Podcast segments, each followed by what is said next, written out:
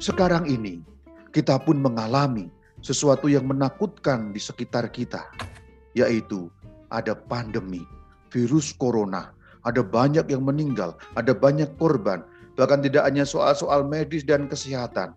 Kita juga ditakutkan oleh ekonomi yang mandek, ada banyak usaha yang bangkrut, penghasilan yang menurun dan lain sebagainya. Di tengah ketakutan ini, kita yakin dan percaya, amin, haleluya saudara. Sang Kristus mengatakan kepada kita masing-masing, damai sejahtera bagi kamu. Kalau kira-kira begitu boleh nggak, Vin? Boleh banget. Bro. Boleh, itu kan renungan. Ini ada yang bertanya uh, konteksnya sama soal membaca membaca Alkitab dengan direnungkan. Kalau mau beri pengajaran ke awam yang lain juga uh, ya sama ya Rama karena konteksnya renungan ya, ya merenung aja. Ya, betul. Selama bukan studi. Kalau merenungkan itu boleh asal tidak kita menabrak atau membahas ajaran iman. Contohnya tadi itu ayat yang sama biar gampang ya. Misalnya kalau Anda membahas hanya satu renungan boleh saja. Contoh, ayat yang tadi itu kan sudah kita baca, sudah hafal ya. Lalu membuat renungan, ini boleh, tanpa studi boleh. Saudara-saudari, pada waktu itu, para murid merasakan ketakutan, berarti ada sesuatu yang menakutkan di sekitar mereka. Sekarang ini, kita pun mengalami sesuatu yang menakutkan di sekitar kita, yaitu ada pandemi, virus corona, ada banyak yang meninggal, ada banyak korban, bahkan tidak hanya soal-soal medis dan kesehatan. Kita juga ditakutkan oleh ekonomi yang mandek, ada banyak usaha yang bangkrut, penghasilan yang menurun dan lain sebagainya. Saudara-saudari, kita semua pun mengalami ketakutan seperti para murid yang dahulu ketakutan. Tetapi di situ saudara-saudari, katakan haleluya saudara-saudari. Karena Sang Kristus hadir di tengah ketakutan kita. Ia mengatakan kepada kita, damai sejahtera bagi kamu. Maka di tengah pandemi ini, di tengah ketakutan ini, kita yakin dan percaya, amin, haleluya saudara. Sang Kristus mengatakan kepada kita masing-masing, damai sejahtera bagi kamu. Kalau kira-kira begitu boleh nggak, Vin? Boleh banget. Bro. Boleh, itu kan renungan. Tapi kalau Anda menyimpulkan ajaran ya Saudara-saudari, Yesus itu masih hidup, berarti dia nggak mengalami mati. Salah itu, tidak ada suka mati. Itu yang yang disalib itu yang diserupakan dengan Yesus. Yesus itu tetap hidup, maka sekarang dia bisa muncul. Nah itu ya. Anda nabrak ajaran. Berarti tetap perlu logika Kristiani ya, Rama? Iya. Dalam membuat renungan pun. Betul. Kira-kira kurang lebih kurang lebih jelas ya, kurang lebihnya ya. ya. Eh, bagaimana dengan umat yang tidak mampu mendalami kitab suci? Apakah ada batasan minimal seorang Katolik untuk memiliki pengetahuan iman atau ringkasnya sejauh mana pengetahuan iman itu harus kita miliki? Ram? Ringkasnya pengetahuan itu harus kita miliki sejauh apa? Sejauh juga ya taraf Anda ya. Ketika Anda tarafnya tidak perlu mengajar orang lain, mungkin nggak terlalu dalam nggak apa-apa. Tetapi kalau Anda termasuk orang yang haus pengetahuan, ada banyak pertanyaan, Anda mungkin harus meningkatkan pengetahuan. Artinya apa? Ya ukurannya Anda sendiri dan tanggung jawab yang Anda emban. Jadi pertama Anda sendiri. Kalau Anda merasa cukup dan nanti kalau ada pertanyaan, pokoknya saya yakin ada orang bikin tuduhan nggak masalah, saya tetap percaya. Ya nggak belajar nggak apa-apa. Tapi kalau Anda haus akan pengetahuan banyak pertanyaan yang belum terjawab dan Anda ingin tahu jawabannya, berarti harus meningkat lagi. Itu kan berarti Anda. Nomor dua, batasannya tanggung jawab Anda. Kalau Anda prodiakon, tapi nggak malas belajar, ya lebih baik batu kilangan tadi itu ya. Nah gitu loh kira-kira. Karena tanggung jawab Anda lebih luas. Nah gitu. Saya seorang presbiter. Kalau saya seorang presbiter malas belajar, gimana Vin? Gawat, Promo. Gawat. Nanti yang saya ajar, sesat. Kalau sesat berarti saya dikasih batu kilangan. iya. Ya, lebih dari itu berarti kan justru saya membawa domba-domba Tuhan bukan pada padang rumput yang hijau, tapi pada rumput yang beracun. Nah, gitu. Jadi ukurannya apa? Anda sendiri dan tanggung jawab yang Anda emban. Gitu. Mungkin kalau ngambil contoh yang tadi Yohanes, Eh, kita kalau yang tidak perlu mengajar ya kita cukup tahu kalau Yesus betul-betul wafat ya Rama. Ya betul, betul. Kalau yang mau mengajar ya kita harus tahu uh, argumen dari sana apa gitu betul. yang perlu kita jawab.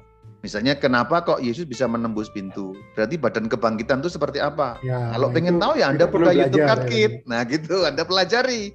badan kebangkitan itu seperti apa? Saya sudah bahas ya. Kenapa kok bisa tembus pintu? Kenapa kok ini? Penjelasannya bagaimana? Kaitannya dengan ayat yang lain atau dalam ajaran iman Katolik seperti apa? Nah itu contohnya begitu. Kenapa ram, nama Rama di sini ref titik d titik? Lalu ordonya Rama apa? Oh ya, video di channel YouTube Katkit yang berjudul Sejarah Ordo-Ordo Katolik. Nanti ada buka saja ya. Tapi jawabannya simpelnya ini adalah gelar resmi untuk seorang presbiter Katolik. Ref D itu berarti apa? Referendus Dominus. Referendus Dominus. RD juga boleh ya. Yang umum RD ya, hmm. RD boleh, RFD boleh. Hanya saya lebih suka menyingkat menjadi Ref D gitu. Tapi kalau yang umum di Indonesia RD. Ordonya apa? Saya ordonya apa? Saya nggak berordo. Tidak punya ordo. Saya non ordo, saya tidak punya ordo dan tidak ikut ordo mana pun. Loh kok ada presbiter nggak punya ordo? Anda buka ya nanti ya, yang bertanya atau yang belum nonton, Anda buka nanti uh, klik channel YouTube Katkit, Anda searching saja yang berjudul Sejarah Ordo-Ordo. Ya, itu nanti Anda akan jelas. Luasnya seperti apa itu akan saya sudah saya jelaskan di situ. Jadi RD Referendus Dominus ya Rama, bukan Romo Diocesan. Betul, RD Referendus Dominus. Ref. Kalau RD diplesetkan. iya. Gitu, Oke, terima kasih. Terima Dan kasih, usulan Kevin tadi sangat menarik. Nanti berikutnya kita justru akan bahas yang mungkin lebih praktis lagi. Saya hmm belum menyiapkan bahan, tapi saya kira nanti bisa saya siapkan yang lebih praktis kali ini. Terima kasih atas partisipasi, pertanyaan juga bagus, sehingga hal-hal yang teknis seperti ini bagus juga untuk kalau kita bahas. Kan selama ini kita sudah membahas banyak hal yang konseptual ya, Bin ya? Betul, Rama. Ya. Mumpung ini bulan kitab suci, saya promosi juga. Yang belum nonton, silahkan nonton. Alkitab 8 seri, ya. Itu modal yang tadi saya katakan. Kalau Bosan itu kenapa? Ya karena belum ngerti. Supaya ngerti, saya modali ya, saya modali. Anda buka channel YouTube Katkit dalam playlist yang berjudul Alkitab 8 seri. Kira-kira 8 jam itu. Seluruh Alkitab Anda akan ngerti. Garis besar ceritanya akan ngerti. Kalau sudah begitu, saya kok sedikit menjanjikan Anda akan lebih tertarik karena sudah paham. Alkitab itu garis besarnya kayak apa? Waktunya, sejarahnya, urutannya, itu nanti Anda bisa di situ. Yang belum ya. nonton, nonton ya. Nggak usah subscribe, nggak apa-apa, nggak usah like, nggak apa-apa. Yang penting saya nonton dan share itu saja sudah. Ya. Atau diputar di belakang ya, Mas. Saya juga sering begitu soalnya. Sambil ngerjain, terus saya putar di YouTube. Jadi dengar suaranya aja. Minimal ada yang nyangkut gitu di kepala. Oh gitu, oh, bisa juga ya, ya bisa, ya. bisa juga diputar ya. Nah, juga kalau misalnya YouTube susah, Anda boleh ke ini ke Spotify, namanya sama Katkit. Sudah juga ada di Spotify, ada di Anchor ada. Kalau yang misalnya sulit pulsa berat, kalau YouTube kan rada berat ya Vin ya. Iya, Rama. Karena ada videonya ya. Ya, nah videonya yang cuma suara itu gampang itu nanti Anda ke Spotify Anda klik cut kit kata kasih sedikit ada juga. Semua yang YouTube itu versi audionya ada kok. Jadi kalau yang susah nyetel di YouTube, Anda cukup dengarkan video uh, audionya juga sudah ada. Gitu. Alkitab 8 seri jangan lupa. Dalam nama Bapa dan Putra dan Roh Kudus. Amin. Tuhan Yesus Kristus, Engkau berfirman dalam ruang dan waktu melintasi zaman yang sering kali tidak begitu mudah kami pahami karena zaman yang berbeda.